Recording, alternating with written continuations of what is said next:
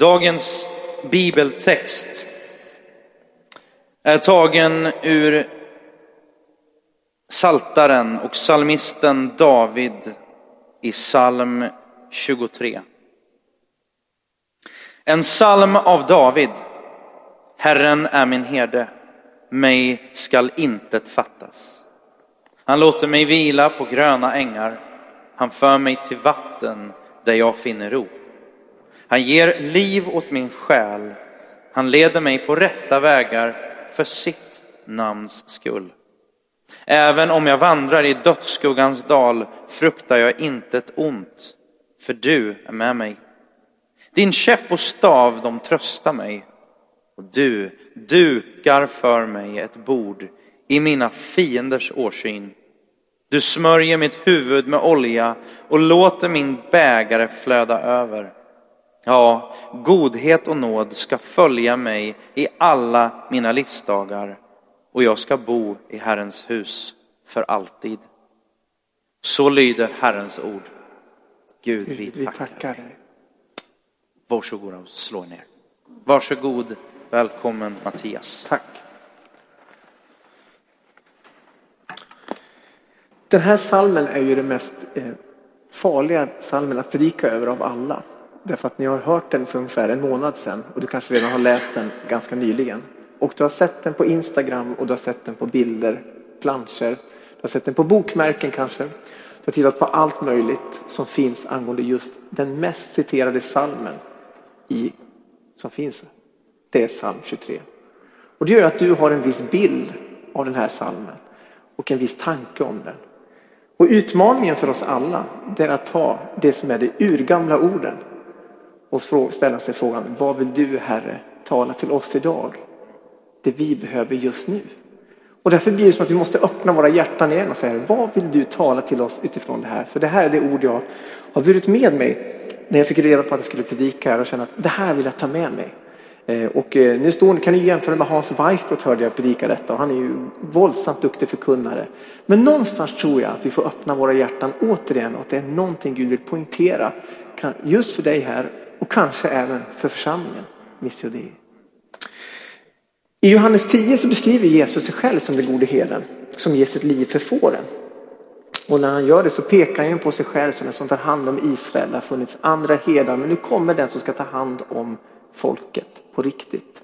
Han är inte en lejd herde utan han kommer ge sitt liv för fåren. Och ordet herde förekommer 66 gånger om man tittar i Bibeln. Så har den sak. Så det är ett, ett ganska citerat ord som finns där, herde. Det är en viktig sak för folket. Och judarna förstod när han talade om herde att detta har med Herrens sak att göra, att ta hand om Guds folket. Och i Gamla Testamentet finns det ju massa passager som handlar om Herren som ska resa upp rätt herdar. Och den mest citerade är då det vi ska läsa, eller det vi hörde just idag, psalm 23. Men psalm 23 är ju skriven av David. Och David är ju inte vem som helst. David hade varit en herde. Det är det första. Om du tänker kontexten på den här. Han visste vad det innebar att vara en herde. Men han var också kung. Och det gör att han har gjort en ganska enorm klassresa här, eller hur? Från att vara en fåraherde, den som är väldigt långt ner i hierarkin, till att kliva upp och vara den som styr över ett folk. Men ändå så säger han att Herren är min herde. Är du med? Det finns alltså någonting i detta att han har överlåtit sig själv och vet att han är beroende av en herde. Inte undra på att han var en man efter Guds hjärta. Och precis som du bad Daniel, det finns alltid områden i våra liv som vi måste säga Herre, du får vara vår herde på. Den här salmens nyckelord kan man inte förstå om man inte förstår ordet tillit. För hela salmen bygger på tilliten till Gud. Tilliten till honom. Och det är just där vi prövas, i vår tro och tillit och förtröstan till Herren i det liv vi lever just nu. Men David visar med den första versen att Herren är min herde, säger han. Mig ska ingenting fattas. Att han litar på att Gud har omsorg om honom. Och det som sticker ut med den här salmen är just den här personliga prägen. För när du läser de andra salmerna så finner du inte just det som finner här när David säger Herren är min herde. Han är inte bara en herde.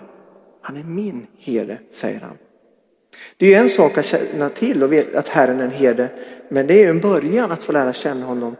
Men Herren vill vara din och min herde. Och då ställer, måste vi ställa frågan, vågar vi överlämna oss själva i hans händer? Den där tilliten prövas om han är den där gode herden. De första fyra verserna, det är ju sex enkla verser som finns, som vi ska titta lite grann på. De första fyra verserna visar på denna omsorg som herden har. Och de två sista talar faktiskt om Herren som en värd. En som både serverar mat och erbjuder boende i himlen. Men grundläggande är ju Guds omsorg om människan. Kyrkofadern Augustinus han såg detta som hela kyrkans bekännelse och bön till Jesus Kristus. När du läser den här psalmen. För det är ju en bön också, även om den är poetiskt skriven så är det ju en bön. Eller hur? Det är en bön. Han ser kyrkans bekännelse mot Jesus Kristus. Martin Luther han såg evangelium i allting. Han säger att det här handlar bara om vad Guds ord, att frälsa människan. Det finns ingen lag i detta utan en människa som får uppleva den gode herden och han ger oss det vi behöver. Bröd för dagen. Och jag sa det tidigare att jag tar en enorm risk att predika över den. Men låt oss öppna våra hjärtan för att se om det finns någonting när vi läser och går igenom de här sex verserna som talar till dig idag. Som den heliga ande vill peka på och hjälpa dig med utifrån de här enkla verserna. Är vi beredda?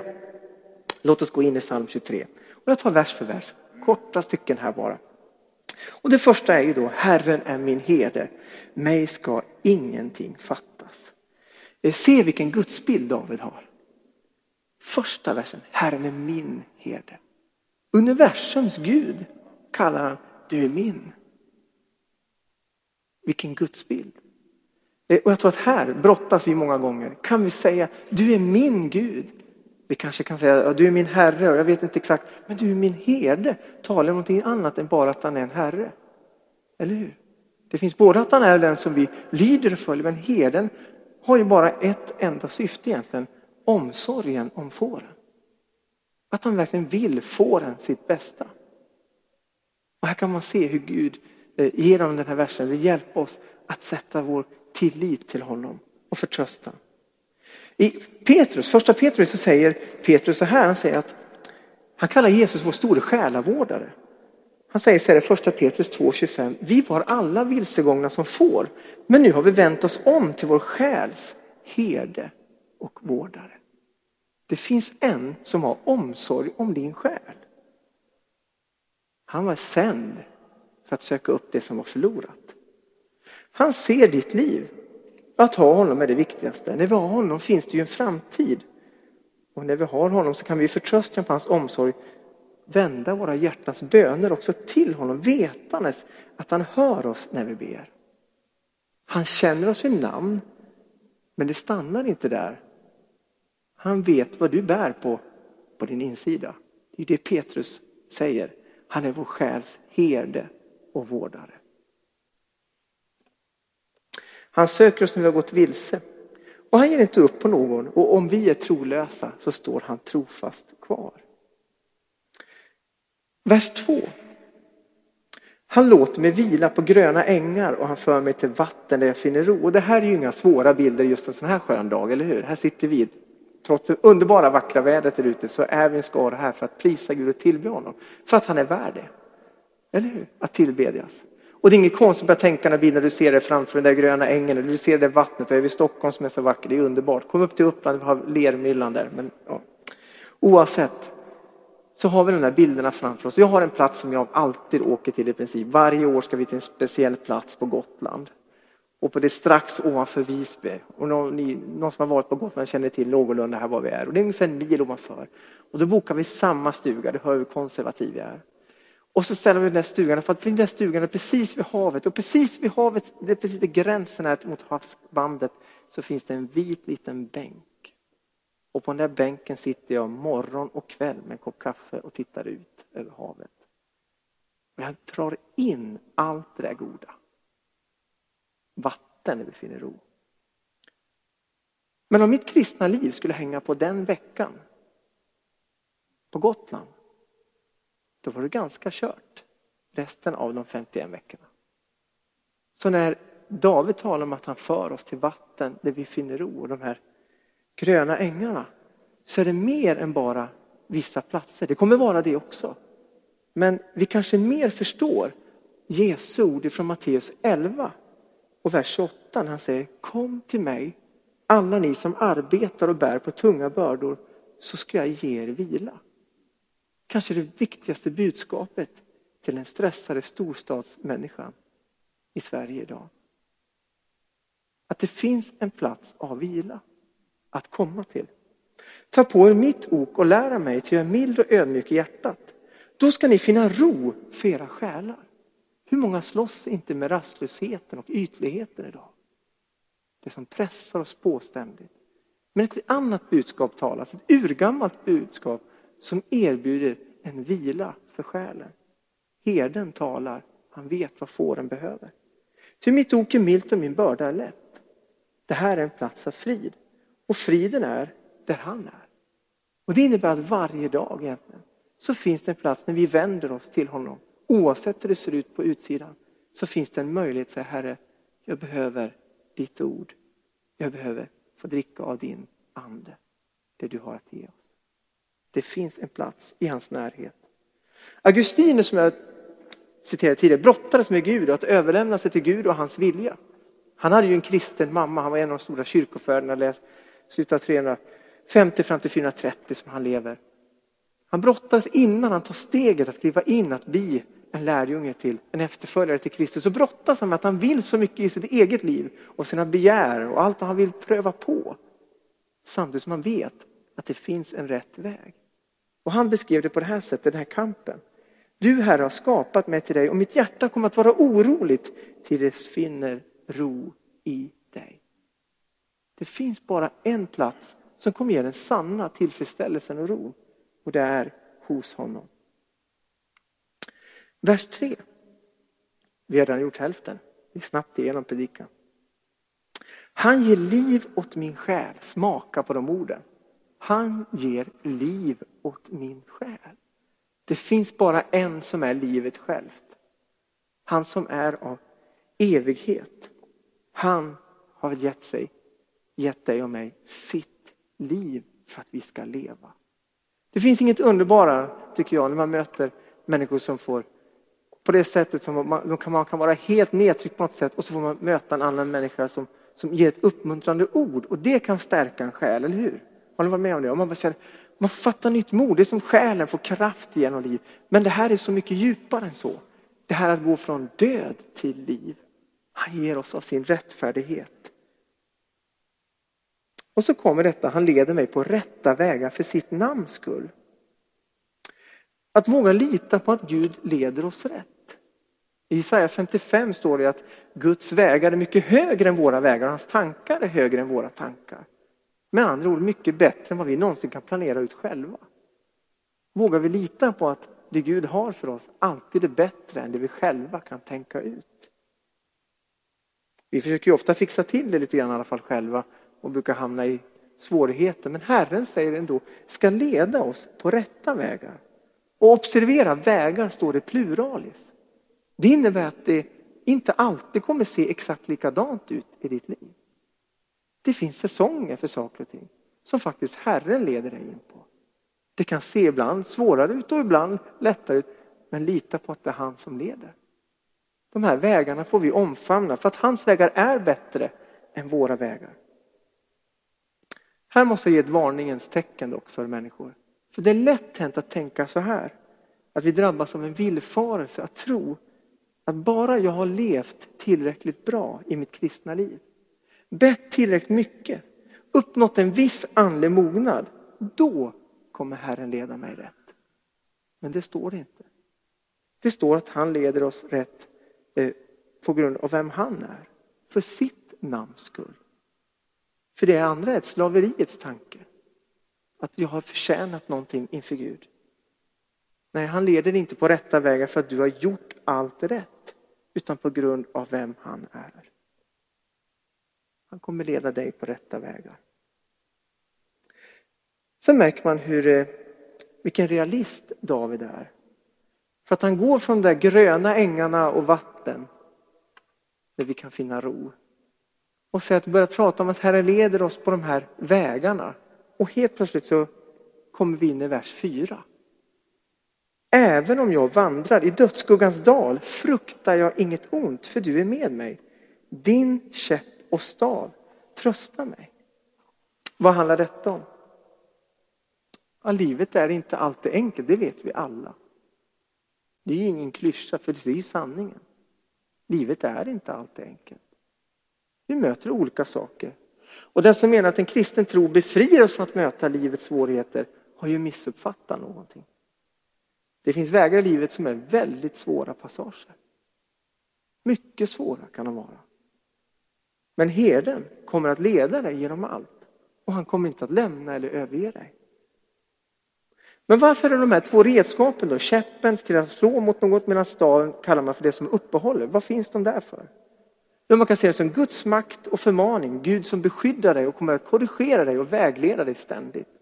Han kommer göra allt för att du ska hamna rätt. Vart du än går igenom. Genom den mörkaste passagen. Och det är där vi behöver beskyddet. Men han kommer också att uppehålla oss. Hans nåd är oss nog. Hans nåd är oss nog. Det finns inte en plats som är så lågt ner i livet och mörkt som inte han redan har varit på. Fortsätt vandra med honom. Det är egentligen det versen handlar, talar om. Fortsätt gå. Han är med dig. Han vandrar med dig. Hans käpp och stav talar både om beskyddet men också trösten att uppehålla dig. Du kan luta dig mot hans ord och löfte. Andras ord håller inte likadant som hans ord. För det står fast. Det är skillnaden mellan din väns ord och hans ord. Vi sviker, vi, vi håller inte hela vägen. Men han gör det. David är som jag sa en realist. Han visste att livet innehåller dalar och toppar. Men han känner sin Gud. Han säger du är min herde. Och det bästa vi kan göra är att följa hans råd, att fortsätta att vandra genom dalen. Fatta inga förhastade beslut när du går genom dalen. Utan luta dig mot Herrens dag, Hans ord håller att luta sig mot. Vers 5, vi har bara två kvar innan vi ska gå in och fira Herrens nattvard. Då, då landar vi ju precis i ett, ett, faktiskt ord som är en bön som är skriven tusen år innan befriaren Messias kommer. Och i den här vers 5 så säger han något väldigt intressant. Du dukar för mig ett bord i mina fienders åsyn. Gud vill mätta dig. Även i öknen fick Israels folk mat genom manna och vaktla när de gick genom öknen. De fick vad de behövde varje dag. Det fanns fiender som ville att de skulle dö i denna öken. Men Herren höll dem vid liv på väg till det land de skulle komma till. Vi kanske inte har personliga fiender, tack och lov för det. Men åklagaren, diabolos, splittraren, tjuven som vill komma för att stjäla, slakta och förgöra. Det finns en ständig kamp mellan det onda och det goda. Och om tjuven kommer för att slakta och förgöra har Jesus kommit för att ge oss liv och övernog.